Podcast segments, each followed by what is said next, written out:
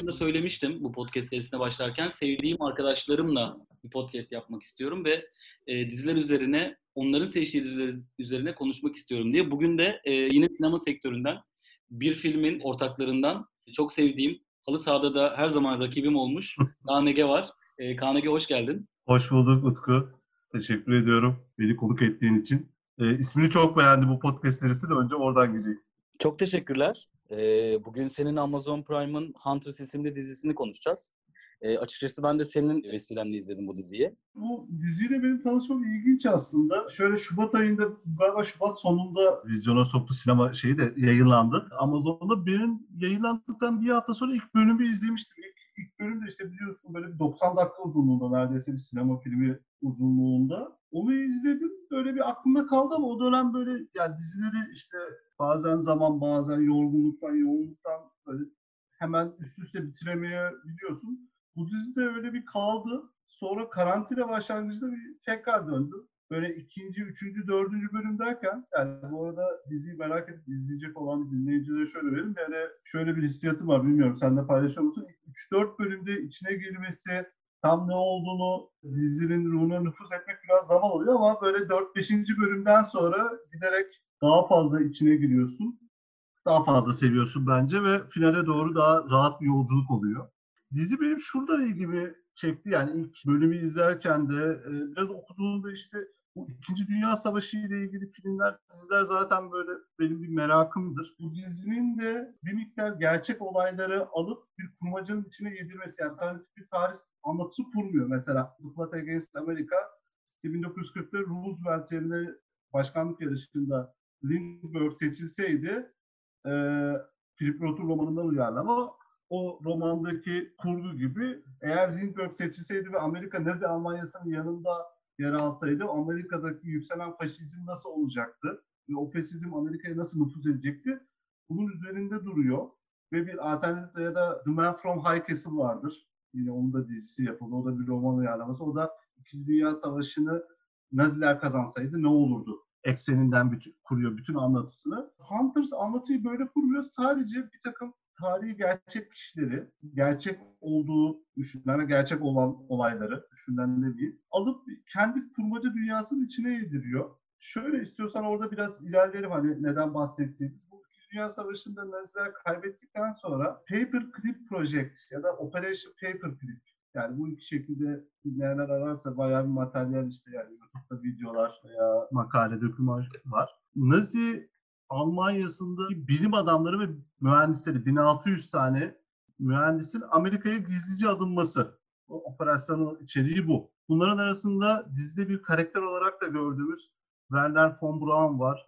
Nazi Almanya'sı roket, V2 roketleri tasarlayan bilim adamı. Bunun gibi bir sürü değerli ve inanılmaz beğeni diyelim. Sovyetlerle Amerikalar arasında ciddi bir savaş oluyor. Yani aslında tabir teşbihte hata olmaz. Bir savaş ganimeti paylaşılmaya çalışılıyor ve Amerika bu yarıştan galip geliyor. Ve bu 1600 bilim adamı aileleriyle Amerika'ya getirtiliyor.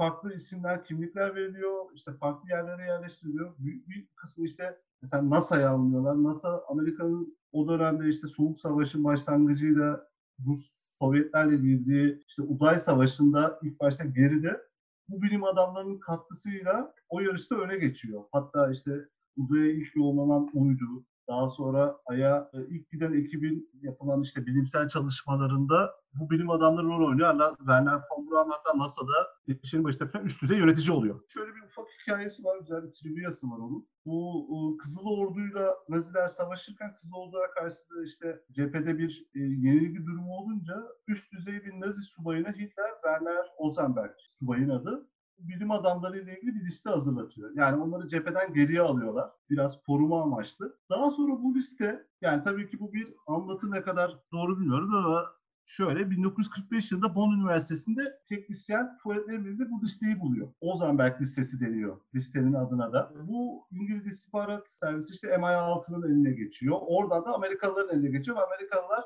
Sovyetlerle İşte bu bilim adamlarıyla ilgili hatta bir kısmını Sovyetler alıyor diye, çalıyor diye nasıl ifade etmek gerekirse. Hatta Amerikalılar oradan onları kaçırmaya çalışıyor. Böyle çok ilginç bir durum var. Fakat resmi olarak işte o dönem Amerika'nın başkanı Truman'dan bu kabul edilmiyor. Yani el altından. O dönem daha CIA yok. E, Office of Strategic Services işte stratejik hareket hareketler servisi diyelim o dönem bu CIA'nin öncülüğü gibi kuruş. Bu servis, bu kuruluş bu operasyonu yapıyor. Şöyle de bizi de ilgilendiren ilginç bir şey var. Hani bu dizide yok ama hani bilgi olarak e, Reinhard Gehlen bu 350 bu Alman istihbaratta, Nazi istihbaratta çok Doğu Avrupa'dan sorumlu üst düzey bir istihbaratçı. Bu 350 Alman istihbaratçısıyla CIA'ya katılıyor. Amerika'ya teslim oluyor. Daha sonra CIA'nin kuruluşunda bu Nazilerde rol oynuyor. Hatta bu Gehlen'in Türk istihbaratıyla da yakın ilişkileri olduğu anlatırı söylenir. Bir yandan da diziyle ilgili e, tüm cephelerden de aslında eleştiriler var. E, diziyi hiçbir cephe sahiplenmiyor. E, özellikle de e, diziye yapılan en önemli eleştiriler Yahudi propagandası yapıldığına dair.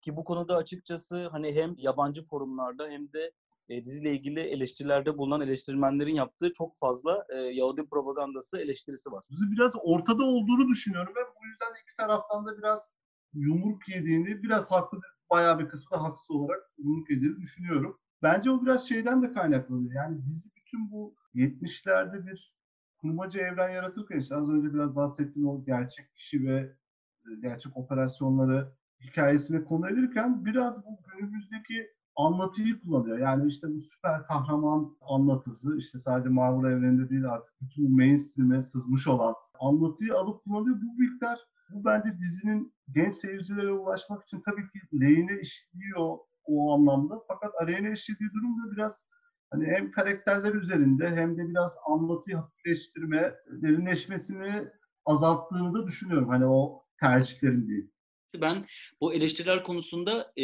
Yahudi propagandası yapıldığına biraz yakınım. Yani direkt olarak bir Yahudi hı propagandası yapılıyor diyemem ama tarihinden dolayı bir sempati besletmek değil, sonrasında girilen yollar sebebiyle bir Yahudi propagandası yapılıyormuş izlenimi veriyor. Orada şöyle bir durum var. Yani Amerika olarak Amerikan hükümetini ve Amerikan tarihini kendileriyle yüzleştirmeye çalışılıyor. E, o yüzden gerek Almanlarla gerek e, Amerikanlar arasında e, gerçekten filmin çok eleştirel, dizinin çok eleştirel yaklaştığını ben de düşünüyorum. Ama e, Yahudilere olan mesafesini, şimdi tabii burada biraz da zor bir mesele olduğunu düşünüyorum ben bunu. Çünkü hı hı. anlattığın hikayeyi ele alırken bir şekilde ne yaparsan yap yani Yahudi propagandası yapıyormuş gibi gözükmekten de bence alıkoymak çok zor diye düşünüyorum. Çünkü tarihlerinde gerçekten belki de insanlık tarihinin en korkunç olaylarından bir tanesini ele alıyorsun ve burada mağdur olan taraf Yahudiler ve onların intikam sürecini anlattığın bir hikayede yapacağın her şey ister istemez şey diye düşünebilirsin. Yani oraya kendini daha yakın hissedip ona göre anlatabilirsin diye düşünüyorum. İster istemez böyle bir topa girdiğin zaman hani bu tür bir eleştiri gelmesi kaçınılmaz her kadar. Ben bu, orada özellikle e, bu Nazi avcıları dedik işte Nazi avcıları sadece bu ekip Yahudilerden oluşmuyor. Biraz şeyle de alakalı. Ona da benim dizim yapımcılar arasında Jordan Peele da var. Şimdi bu avcılar arasında çok ilginç Afrika e, Afro-Amerikalılar da var hani ekipte. Asya asıllı Amerikalılar da var. Yani buradan bence dizi ilginç bir şey demeye çalışıyor. Günümüz Amerika'sına bu anlamda bir pas attığını da düşünüyorum. Yani sert bir eleştiri attığını, pas attığını demeyeyim. Yani tüm bu karakterler, yani biraz şey diyor dizi. Bu şekilde böyle yani işte bu Yahudiler, işte Afro-Amerikalılar, e, Asya asıllı Amerikalılar yani azınlıkların omuz vererek mücadele etmesiyle bir çok geniş bağlamıyla söylüyorum. Faşizme böyle bir beyaz iktidara karşı mücadele edilebilir diyor. Yani tabii ki burada işin içinde tek tek avlamak falan gibi kısmı kastetmiyorum da genelde altta yatan bence çok deep down dizinin meselesinin meselelerinden birinin bu olduğunu düşünüyorum en azından. E, bu zaten e, şu yani bunu şey yaparak bence perçinliyor diye düşünüyorum. Dizinin sonradan eklenen siyahi kadın FBI ajanının da Hı. bir şekilde bu ya, evet, evet. birlikte aslında o bahsettiğin o e, Amerikan hükümetine karşı da bence verilmiş e, aynı zamanda da birlik olmakla ilgili çağrı konusunda ben de seninle hemfikirim. Hatta ben şöyle düşünüyorum. Bütün e, aslında dizinin ana meselesinin e, alt metninden çıkardığımız zaman daha bu, bu konunun daha ağır bastığını da düşünüyorum diyebilirim. Evet evet hatta o bahsi bak iyi oldu o karakteri bahsetti. O karakter gay aynı zamanda. Evet. Ee, onu e, peşine düşen filmin kötü karakteri suikastçı diyelim ona. Nazi sempatizmanı Amerikalı çocuk genç biri. Ee, biraz şeyi andırıyor hani bilmeyenler için dizi tarif. No Country for Old Men'deki Evet. Javier Bardem'in başka bir türlüsü. Çok da iyi oynuyor. Black Winston galiba oyuncu. İngiliz.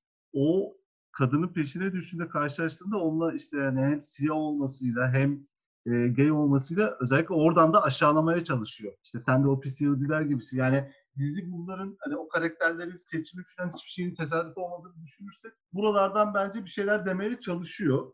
E, tabii ki onun ne kadar iyi diyor falan hani diziyi ben de şimdi şöyle objektif değerlendiriyorum. Çok sevmeme rağmen hani temasıydı, şuydu, buydu itibariyle tabii ki 10 üzerinden böyle bir 8-9'luk bir dizi diyemem. Bence hani rejisi, senaryosu, derinliği hani böyle bir 6.5-7 bantlarında geziyor. 6-7 bantlarında diyeyim ama bu bile bu dönemde belli bir önemi olduğunu düşünüyorum. Ya da yani birkaç diziyle bağlarsak işte nasıl diyeyim mesela Watchmen'i sen de izlemişsindir diye Evet. tahmin ediyorum. Watchmen o, o Siyah Amerika'ya karşı ve saklanan bir tarih anlatısını orada 1920'deki o katliamla sahnesi açıyor ve bütün diziyi onun üzerine kuruyorlar. İnanılmazdı o tabii ki. Seviye olarak falan çok daha yukarıdaydı. Bu dizide bence günümüze doğru pas atarak beyaz iktidara karşı bu azınlıkların bir arada olması gerektiğini, bir arada mücadele etmesi gerektiğini böyle vurguluyor. Şimdi nasıl bir mücadele edilmesi lazım? Aslında bir, dizi bir yandan da alttan alta onu tartışıyor. Yani bir, bir bölümde mesela yine bir gerçek bir karakter Simon Wiesenthal giriyor. Hatırlıyorsundur. Bir avukat.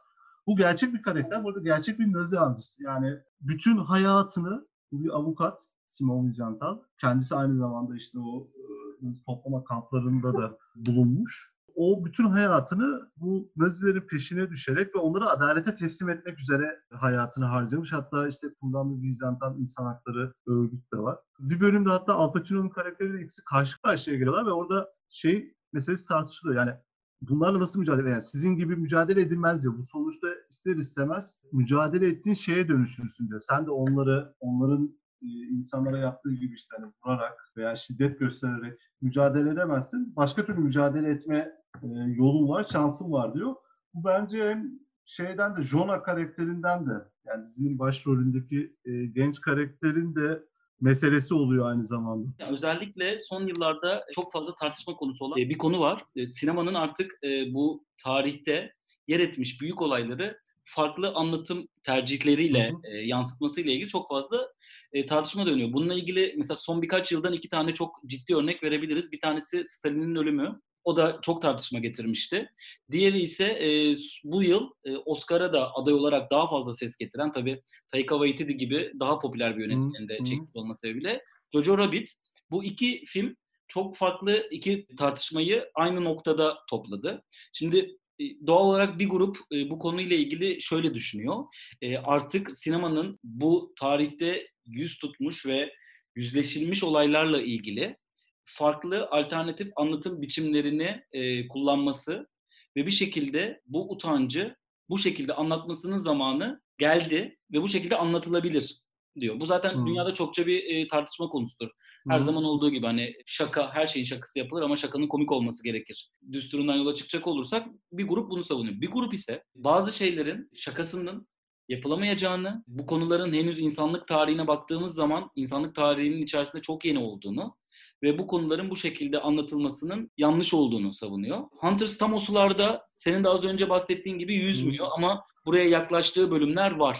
İşte ara ara mesela bazı bölüm aralarındaki o parodik işte televizyon skeçleri olsun ya da e, benzer bir takım skeçvari sahneler olsun. Çok bir karikatürizleştirme gibi bir şeyi yok. Bunun peşinden çok gitmiyor.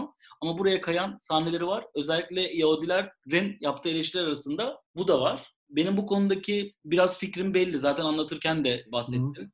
E, biliyorsun ben orada biraz farklı düşünüyoruz ama ben Jojo Rabbit'i de epey e, beğenen taraftayım. hı. Ki Death of Stalin'le ilgili yazdığım benzer bir yazı da başka sinema yazarları tarafından böyle biraz eleştirilmişti. E, Hı hı. sen ne düşünüyorsun bu konuda? Bunu da merak ediyorum. Yani bu Hunters'da güzel hatırlattın. O araya giden e, reklamlar ve farklı tuhaf klipler diyeyim. Onlar aslında çok bir mizahi o öğe olmakla beraber çok ciddi eleştiriler de barındırıyor. Yani bu dizinin e, durduğu eksen üzerinde ben onları fena bulmadım. Bu Jojo Rabbit ve hani Dead of Stalin meselesine gelince ya orada şöyle bir şey var. Twitter'da bu, bu tartışmada Sema Kaygısız'dı galiba çok doğru da bir şey bahsetmiş. Ya bence de her şeyin şakası yapılabilir. Orada zaten çok farklı bir yerde değilim ama Sema Kaygısı işte başka bir örneği ver, verirken şimdi hatırlamıyorum ama şey demişti yani bir şeyin dalgasını falan geçecekseniz onunla ilgili tarihi bir yüzleşme olup olmadığı, onun insanların vicdanında ve adalette mahkum edilip edilmediğinin önemli olduğunu vurgulamıştı. O Twitter'daki tartışmada bahsettiği konuyla ilgili. Ya onu buraya uyarlarsak yani evet sonuçta Nazilerle ilgili dünyada herkes aşağı yukarı hani makul insanlar diyeyim, makul politik yerde duran insanlar aynı yerde duruyorlar ve onunla ilgili işte Nürnberg mahkemeleri oldu. Onunla ilgili bir tarihi bir yüzleşme Almanya'nın kendisi de oldu. İşte özür dilendi, bu kabul edildi. Şimdi bunun üzerine o olduğu için işte e, Ricky Gervais de inanılmaz işte son stand-up'ında Hitler'le ilgili çok çok acayip şakası vardı. Jojo Rabbit de alıp orada bir Hitler karikatürü oradan Nazi sempatizmanı e, genç çocuk üzerinden bir şey kurar. Ha, o mizahı ben yani bende işlemedim. Çok komik bulmadım ama film yani çok da beğenilebilir. Onda bir itirazım yok. Yani orada biraz işte şey önemli. Yani işte o dengenin nasıl kurulduğu önemli. Niyet ve dengenin biraz önemli olduğunu düşünüyorum. Yani hangi konuyu ele alıyorsun ve nasıl ele aldın. Yoksa evet her şeyin şakası yapılabilir ama işte bir takım orada parantezler var. O parantezler zaten o tartışmaları doğuruyor. Filmin ele aldığı konulardan bir tanesi de biraz insanın kendisiyle alakalı. Yani insan olmakla hı hı, alakalı. Hı. Dönüşümle alakalı. Buradan sonra kısa bir uyarı yapayım ki spoiler içerecek bahsettiğimiz konuşmalar. Özellikle dizinin son bölümü içinde çok ciddi bir twist barındırmasıyla beraber az önce senin girizgahını yaptığın karakterlerin dönüşümüyle ilgili de aslında parçanın tamamlandığı ve e, bu parça tamamlanırken o son bölümdeki o son sahneyle birlikte aslında bütün sezon boyunca yapılmak istenen şeyin ulaştığı nokta olarak düşünüyorum. Evet çok ciddi bir twist var. Artık spoiler uyarısı verdiğimiz için söyleyebiliriz. Buradan sonra diziyi izleyenler tekrardan belirteyim dinlemelerini, dinlemelerini tavsiye ediyoruz. E, Al Pacino'nun karakterinin aslında e, bütün sezon boyunca kendisine şiddet uygulayan ve aradığı karakter olduğunu düşündüğümüz karakter çıkıyor ve Amerika'da o şekilde saklandığını, onun kimliğini çalarak barındığını öğreniyoruz. Bu bir kere şunu söyleyeyim ben o twist'i yedim. Yani genelde bu tarz büyük twistleri yemem. Çünkü hani anlatım tarzı olarak onu yakalayabiliyorsun artık bir yerden sonra. Burada ben bu böyle bir twist beklemiyordum açıkçası. Çünkü dizinin böyle bir gayesi, amacı olduğunu düşünmüyordum. Bu bende böyle müthiş bir final izlenimi yaratmasa da böyle zekice bir detayı dizinin temel meselesi üzerine inşa etmiş e, olmalarını ciddi derecede takdir ediyorum. Senin de özellikle bu insanın o içerisindeki e, o dönüşümle ilgili düşüncelerin olduğunu biliyorum. O yüzden senin fikirlerini dinlemeyi de iple çekiyorum şu anda. Şöyle o twist meselesinde ben de seninle aynı şekilde ya. Ben de hiç beklemiyordum. Açıkçası orada şaşırdım yani. Anlatı o tarafa doğru yani. Onunla ilgili bir ipucu ya bunu ben tahmin etmiştim diyerek şey yaklaşabileceğim bir durum yok. Ben de aynen o sahnede senin yaşadığın gibi şaşırdım. Ya oraya döneriz. O dizinin bu bütün süper kahramanlar ekibi gibi bir ekip kurması, bu günümüzdeki anlatıya paralelliğinden bahsetmiştik. Burada da e, Jonah'la örüm, e, örümcek adam, işte Peter Parker arasında bir benzerlik var. Orada da işte Peter Parker'da da vardır ya ergenlikten yetişkinliğe geçişin sancıları. Bu Jonah, bütün dizi yani bu 10 bölüm boyunca aslında Jonah'ın ergenlikten yetişkinliğe geçişi, büyümesi üzerine de ilerliyor ve o paralellik bence gayet güzel kurulmuş ve dizinin en iyi işleyen taraflarından biri.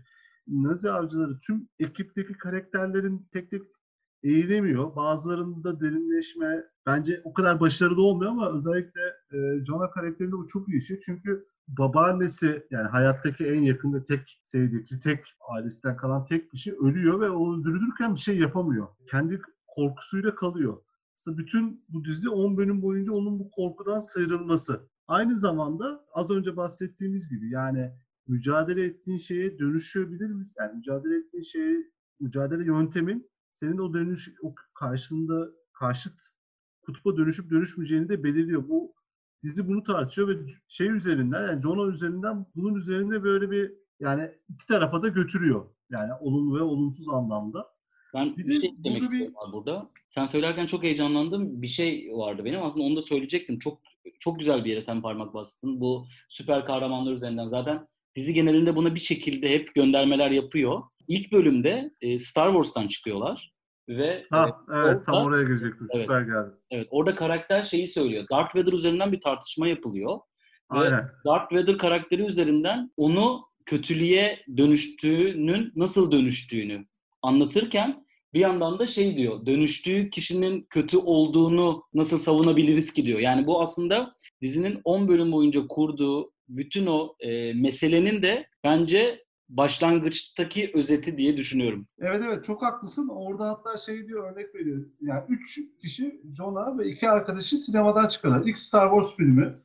Tüm dizi 76'da geçiyor. Hani baktım ona. Şey olarak da hatta o planda görüyorsun Star Wars'u. Afrika Amerikalı bir arkadaşı ve şi- mahallenin şişman çocuğu. Aslında bu bütün bu dizilerde, şeylerde işte Hollywood'da iyice mahallenin loser çocuklar olarak nitelenen çocuklar. Hani o, o, o şekilde tasvir ediliyor. Afrika Amerikalı olan arkadaşı şey diyor, Darth Vader niye CEO olarak seçtiler? İşte her zaman bunlar bizi siyah seçerler diyor. Hollywood işte. Sonra diğer arkadaş bir şey diyor ve Jonah buradan şeyi anlatıyor. Yani Darth Vader o kadar da kötü değil. Bizim iyi zannettiklerimiz ne kadar iyi diyor. Superman'de, Batman'de bir sürü insan öldürdü diyor. Ve orada senin de dediğin gibi bütün bu 10 bölüm boyunca sürecek olan bir tartışmanın bir özeti yapılıyor ve o çatışma oradan başlatılıyor. O yüzden o sahne çok kritik ve önemli. Hemen e, dizinin ilk kol topun açılışından sonra, jenerikten sonraki sahne diyelim zaten. Bu arada o kol topunu da beğenmiştim diye tahmin ediyorum. Oraya pas atayım. Evet. Beklemediğim bir yerden açıyor ve dizinin gireceği suları da böyle gayet rahat, tonlu falan anlatan çok güzel bir sahne oldu. Bir de şey de çok enteresan. Ben mesela şeyi izlemiştim. Bu bir az önce bahsettiğin senin dizinin kötü karakteri, katil karakter çizgi roman dükkanına girdiği zaman genelde böyle dizilerde genç çocukların öldürüldüğünü çok fazla görmeyiz. O yüzden izlerken içimizde ister istemez bir rahatlık olur. Yönetmenin Evet. ona cesaret etmeyeceğini düşünürüz ama o, çe- o çevreden yani bu yakın çevreden e, şeyi saymazsak e, çünkü dönüşümün gerçekleşmesi için e, karakterin babaannesinin pardon anneannesinin öldürüldüğünü saymazsak eğer ilk öldürülen karakter de e, siyahi ve şişko karakter oluyor. Aslında sadece türün e, klişelerini yapmak için yapmıyor. Gerçekten e, hayatta da kaybedilenlerin bunlar olduğunu da anlatmaya çalışıyor. Ben ya bu- ve bunun gibi birçok e, aslında materyal sebebiyle az önce senin de söylediğin gibi o 7 puan sularında geziyor. Ama o puan seviyelerinde gezerken bu kadar önemli olmasının bence sebebi çok üzerine düşünülmüş. Yani hiçbir dizideki tek bir sahne bile öylesinin eklenmiş değil. Tamamen 10 bölümlük bir temel bir parçanın e, bir arada tutan köprüler olduğunu düşünüyorum. Dizi senin de bahsettiğin gibi böyle beklenmedik bölümlerde ve şiddette falan hiç elini korkak alıştırmıyor. Bunları mesela işte Nazilerin peşlerine düşüyorlar. Bazılarını tespit ediyorlar. İşte adam Amerika'nın bir kasabasında işte New York'a bilmem ne Ohio'ya yakın yerde işte orada o halk gayet sıradan bir Amerikalı gibi. Cumhuriyetçi ama yani onun da altını çizmek lazım. O ilki e, karakterde özellikle vurgulanıyor. Böyle normal aile hayatı yaşıyorlar. Gayet hani normalde görsen bir işte kafede, restoranda oturup gayet sohbet edebileceğin adamlar. Ve onların ne kadar o sıradan da bir hayatın içerisinde olduklarını gösteriyor. Ama o geçmişlerin nasıl örtüldüğünü yani e, devlet tarafından nasıl örtüldüğünü falan düşününce de çok da ilginç yani o karakterlere falan ele alışları, yaklaşımları falan da bana tutarlı gözüktü genel olarak yani. Ben de öyle düşünüyorum. Dizinin sanat yönetimine ben hayran kaldım. Yani Evet evet. o, Kostüm de sanatta Değil mi? Yani o açılışta 1977 yazıyor, tarih veriyor ama yazmasa hangi dönemde geçtiğini anlayabilirsin. Bir de yani dizinin işte o genel aslında böyle bir sende yarattığı şey duygusu var ya böyle karanlık duygu var ya onun tam aksi o kadar böyle Wes Anderson vari pastel renklerle bir dünya çiziyor. Bütün o, o zıtlık da mesela sanatta yapılan o zıtlık benim açıkçası çok hoşuma gitti ve izlerken şeyi fark ettim. Diziyi bu kadar şevkle izliyor olmamın sebebinden bir tanesi de bu sanat ve kostüm sanırım diye düşündüm. Evet evet orada yapılan tercihler işte kimi reji tercihleri falan da bir şey de yapıyor ya. Bak şimdi seninle konuşmak vardı. Seyirciye çok bir rahatlama, nefes alma anı vermiyor. O yüzden de biraz hani ben bayağı bir şey yorumda okudum. Bu, bu Türkiye'deki film Twitter evreninde işte başlayanların bir kısmı işte böyle ikinci, üçüncü bölümde bırakan çok insan da gördüm. Yazılanlarla. Böyle seyirciye çok bir rahatlama anı, nefes alma anı fazla vermiyor. Biraz sert sert ilerliyor. O açıdan da çıkardıkları iş çok başarılı yani. Zaten teknik anlamda bayağı iyi bir iş bence. Twist'le ilgili de şunu söyleyeyim. Yani Al Pacino'nun Hızlı Subay'a çıkması evet onu iyi saklıyor. Hiç tahmin edemiyorsun. Fakat olduktan sonra yani geriye döndüğünde o setupta yani bu bir riskli bir tercih. Çünkü dönüp baktığında bir takım soru işaretleri de doğurabiliyor. Yani o tercih ilginç. Ben biraz orada ortadayım yani emin olamıyorum bu karardan ama ondan sonra son final sahnesinin bayağı ilginç ve önemli olduğunu düşünüyorum. Yani Güney Amerika'da yani onu söylememize sakınca yok herhalde spoiler şeyini verdiğin için e, uyarısını verdiğin için. Hitler'in ve nişanlısının hala yaşadığı ki bu İkinci Dünya Savaşı ile ilgili işte bu komplo teorilerinden en önemli büyüğü işte Hitler'in ve e, nişanlısı Eva Braun'un intihar etmediği ve kaçtıkları ve işte Güney Amerika'da bir yerde hayatlarına devam ettikleri ölene kadar. Bunu bu komplo teorisinin üzerine oturan bir e, final var. Bence ikinci sezona da oradan pas atıyor zaten. Evet. Ben dizi bitmeden önce şunu düşünmüştüm. Son o son iki dakikaya girmeden önce. Ya ikinci sezona çok ciddi bir çengel atmıyor ya da atacaksa da e, siyahi FBI ajanından atıyor gibi düşünmüştüm. Çünkü o, onun bir buluşması oluyor ve o buluşmada şey diyorlar hani var mısın böyle bir ekip kuralım gibi.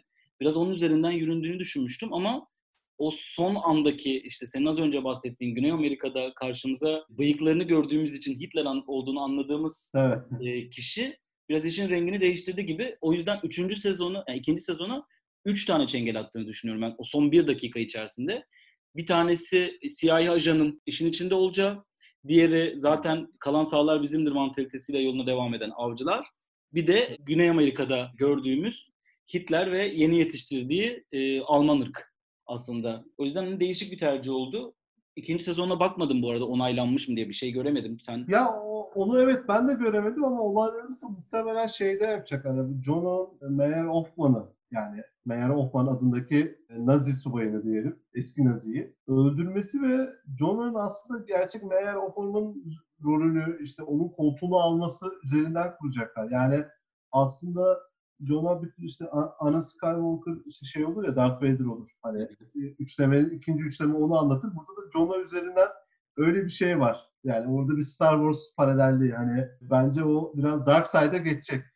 Soru cevap bölümüne geldik. Öncelikle e, en sevdiğin karakteri ve nedenini sormak istiyorum. Yani böyle en izlerken ya bu karakter çok güzeldi dediğin e, yazımsal olarak sormuyorum. Yani çok iyi yazılmıştan ziyade senin biraz daha böyle sevdiğin, izlemekten zevk aldığın, empati yaptığın karakteri öğrenmek istiyorum. Hmm. Yani az önce bahsettiğimiz o e, FBI dedektifi, kadın FBI dedektifi. O, o karakteri sevdim yani onun çatışması, onun e, gerilimi yani hem iyi yazılmış hem onu biraz daha kendime yakın hissettim. Ki keza Jonah için de benzer yani onun da hem iyi yazıldığını hem onun sorusunu kendi sorun olarak düşünebiliyorsun. O iki karakteri ayırayım hani dizi özelinde bu ikisini ayrıca sevdim. Bence genç genç oyuncu çok çok iyi bir oyuncu. Yani bu şu anda böyle çok... E, evet Logan Lerman sen bahsettin. Evet. Çok, çok iyi bir oyuncu ya. Yani bu arada evet performanslar genel olarak iyiydi ama özellikle Logan Lerman ben çok açıkçası bilmiyordum bu bahsettiği dizi. Yani filmi hatırladım ama diziyi 13 Reasons Why onu izlememiştim. O yüzden bilmiyordum çok fazla. Aklımda da yetmiş bir oyuncu değil. Ama e, çok beğendim çıkardığı işi. İkinci soruma geliyorum. Bu biraz daha evet. e, zor bir soru. Bir sabah uyandığında tüm Al Pacino filmlerinin tarihten silindiğini öğreniyorsun. Senin sadece bir tanesini kurtarma şansın var. O, o filmi senle beraber tutabileceksin. Bir diktatör geliyor ve Diktatörlerin dertleri hiç belli olmaz ya. Al Pacino'ya takıyor. Ve bütün filmlerini kaldırıyor. Senin evindeki kitapların yerine de DVD'lerini yakıyor. Bir tanesini kurtarabiliyorsun. Hangisini kurtarırdın? Abi Al Pacino üzücü olur ya. 70'ler Amerika zaten benim hani böyle özel olarak çok sevdiğim dönemde de bu ciddi bir külliyat gider oradan. Şöyle ama anladım. Soru ekseninde bir düşüneyim. Godfather falan herkes tabii ayrı bir şey yapar da benim için en özel yani çok kişisel şeyler bu e, Sidney Lumet'in Dark'ta yaptığını yani onu bir ayırırım. Çünkü o film hani böyle benim filmlere olan düşkünlüğümün artık böyle ciddi boyutlara çok ilk gençlik dönemimde izlediğimde böyle vurulmuştum. Ayrı bir film. Çok da güzel filmdir. Yani izlemeyen genç dinleyiciler varsa e, tavsiye ederim. Sidney Lumet'in bütün filmlerini zaten rahatlıkla izleyebilir ama bu Dark'ta yaptığım çok özel bir filmdir ya. Onu bir ayırayım. Öyle diyeyim. Kesinlikle katılıyorum. Üçüncü sorumu rakam evet. koyuyorum abi. Buyur abi. İstanbul Film Festivali dönemi bir film, bir yemek düzenliyor. Hı hı. Ee, şansa ki İstanbul Festivali'nin davetleri arasında yaratıcı, yani bu dizinin yaratıcısı David Will de var ve hı hı. sen içiyorsunuz, kendinde de o özgüveni buluyorsun hani kendi millete karışabilecek. Senaristini yapım ya işte yaratıcısının yanına çekiyorsun ve diyorsun ki ya David İkinci sezonda bak şuna dikkat et. Bir şey deme şansın var. Ne dersin? Abi tüm anlatıyı o büyük bir twist'e kurmaya çalışma. Sen o Güney Amerika üzerinden devam et operasyona. Hani o Conspiracy'yi devam ettir. Orada çok güzel ekmek var. Hani şey olmayabilir artık ikinci sezon olayını da almışsın, parayı da almışsın sen buradan yürü. Boş ver. Genel geçer zevki diyebilirim. Yani o işte CIA falan da işin içine katarsa çok ilginç bir yere gidebilir. Yani yapılır mı ikinci sezon nasıl yapılır bilmiyorum tabii. Ama işte CIA bağlantısı hani oradaki CIA kuruluşu işte bahsettiğim Nazilerin şey ortaklığı meselesi de ilginç bir Oradan Güney Amerika eksenine yürürlerse çok ilginç bir malzeme çıkabilir bence. Anladım. Onu derim. Tam David abiye. O da muhtemelen sabah kalktı da hadi lan der ve olay kapanır. muhtemelen tam rakı sofrasında söylenecek bir söz olarak tarihe geçer. Hatta aynen. muhtemelen o hafta sonu biz pazar günü halı sahada toplantımızda sen şey dersin. Beyler ya ben geçen bir sarhoş oldum. David'e neler dedi biliyor musunuz? diye.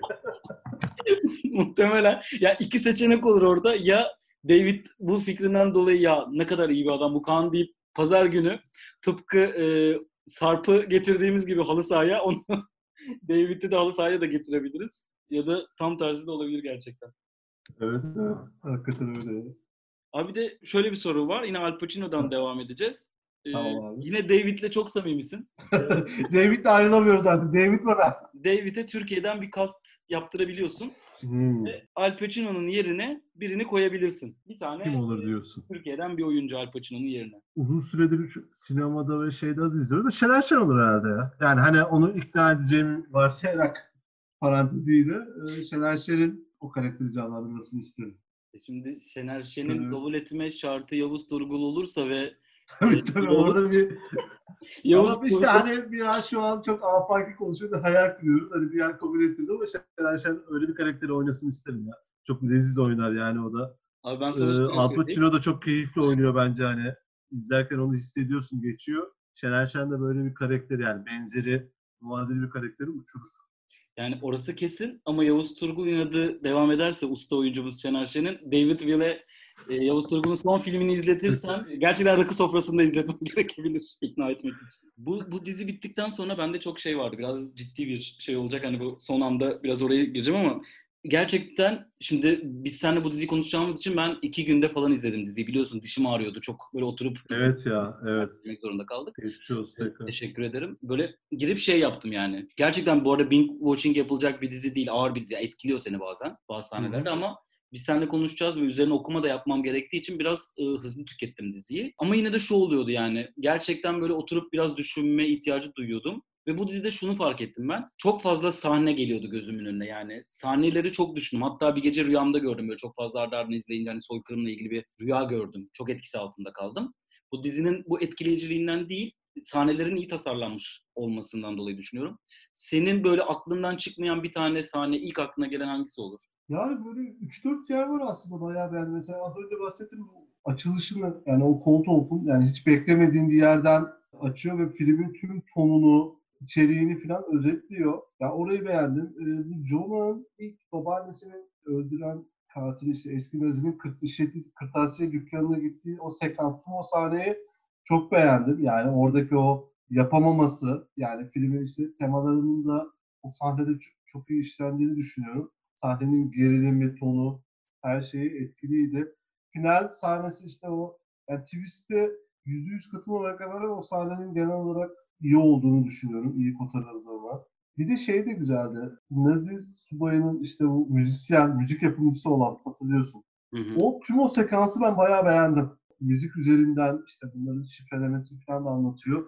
Tüm o sekans işte e, Jonah'ın adamla tekrar birebir aynı yerde kalması, yine bir şey yapamaması falan. Böyle bak şimdi sen sorunca aklıma ilk elden bunlar geldi. Böyle bir de... değil birkaç taneymiş bak beğendiğim yani. Böyle güzel sekansları çok dizinin bir programın daha sonuna geldik. Sana e, şu açıdan programa katıldığın için ve şu açıdan teşekkür etmek istiyorum. İnanılmaz bir açılış jeneriği var dizinin. Dizi bittikten sonra dahi e, o, o açılış jeneriğini izledim. Hatta tweet attım bununla ilgili. Seni de mentionladım. Evet evet gördüm gördüm. Çok güzel bir jenerik ya. Çok, çok güzel tasarlanmış. Ve çok da güzel özetliyor aslında. Çok basit bir fikirden. Ve onu da çok güzel yapmışlar. Zaten bu jenerik şimdi iyi de bu dizinin jeneriği ayrıca bir özel ya. Ben de beğendim hakikaten. Ve ben de çok teşekkür ederim sana konuk ettiğin için. Ben teşekkür ediyorum. Öyle oldu. Ee, Biraz dizi üzerine düşünmüş oldum seninle beraber. Keyifliydi. Yani 10 bölüm, bir, bir sezon 10 bölüm e, kurduğumuz bir format ve böyle alternatif bir dizinin gelmiş olmasından ben çok mutluyum. İyi ki e, sana sormuşum ve sen de kabul etmişsin. Umarım bundan sonra e, başka konularda da seni podcastlerimize konuk alıyor oluruz diyorum ve bir kez daha e, beni ben katıldığın için çok teşekkür ederim. Ben de teşekkür ederim. Tüm dinleyenlere de sevgiler, saygılar ve sağlıklı günler dilerim.